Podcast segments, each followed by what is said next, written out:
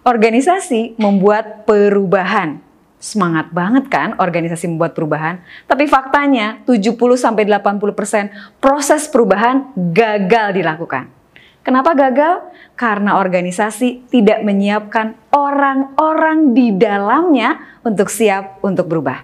Bagaimana cara membuat orang-orang di dalamnya bisa berubah atau siap untuk berubah? Mari kita ikuti bahasan kali ini.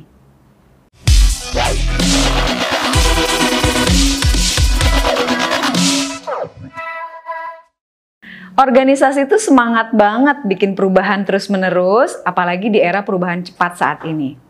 Tapi para pimpinan eksekutif suka lupa kalau pimpinan harus menyiapkan orang-orangnya untuk siap mengikuti atau menjalankan perubahan itu. Nah, berikut ini ada penemuan atau ada penelitian dari Hall tahun 2007 gimana caranya membuat orang-orang di dalamnya itu siap untuk berubah. Oke, yang pertama, Holt mengatakan supaya orang-orangnya siap, maka orang-orang di dalamnya itu harus merasa bahwa perubahan yang dilakukan organisasi atau yang dilakukan perusahaan itu menguntungkan mereka. Jangan coba-coba bikin kebijakan yang itu kebijakan perubahan gitu, perubahan yang lebih baik, tapi nggak membuat mereka merasa mendapatkan keuntungan dari perubahan itu alih-alih merasa mendapat keuntungan, justru mereka lebih merasakan ini mengancam mereka atau ini justru membebani mereka lebih banyak. Kalau kondisinya seperti itu, susah banget loh mereka akan siap untuk berubah. Oke, itu ciri yang pertama atau itu tips yang pertama.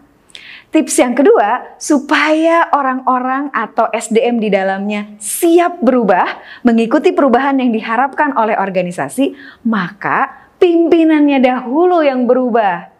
Jangan minta bawahan untuk berubah sebelum Anda terutama sebagai pemimpin berubah dan mencontohkan perubahan. Nggak cukup loh dengan hanya mencontohkan perubahan, Anda juga sebagai pemimpin harus mendukung bawahan Anda, menunjukkan bahwa Anda benar-benar mendukung mereka untuk siap berubah.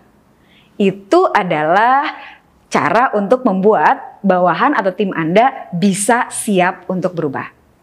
Yang ketiga apa? Yang ketiga adalah latih orang-orang di dalamnya untuk punya kemampuan yang kemampuan itu nanti digunakan ketika orang-orang itu menjalankan eh, program atau kebijakan yang baru sebelum Anda memberikan pelatihan atau kalau Anda tidak memberikan pelatihan sama sekali buat bawahan atau tim Anda, jangan coba-coba bikin program perubahan. Karena apa? Orang itu nanti nggak siap untuk menjalankan program itu.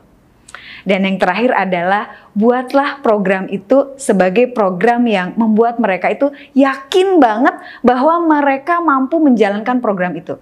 Jadi Anda sebagai pemimpin atau perusahaan secara umum harus membuat cara atau program yang gimana caranya bisa meyakinkan mereka yang disuruh untuk berubah itu bah yakin bahwa mereka bisa menjalankan perubahan itu. Itu empat hal ya. Satu, perubahan itu menguntungkan. Kedua, latih mereka untuk mereka siap. Tiga, Anda sebagai pemimpin harus mendorong mereka atau mendukung mereka. Dan yang keempat adalah membuat mereka yakin bahwa mereka bisa mengikuti perubahan yang ada. Itu adalah contoh-contoh atau tips-tips bagaimana membuat pegawai di dalamnya atau tim Anda siap untuk berubah mengikuti program baru yang ada di perusahaan. Semoga bermanfaat ya tips ini.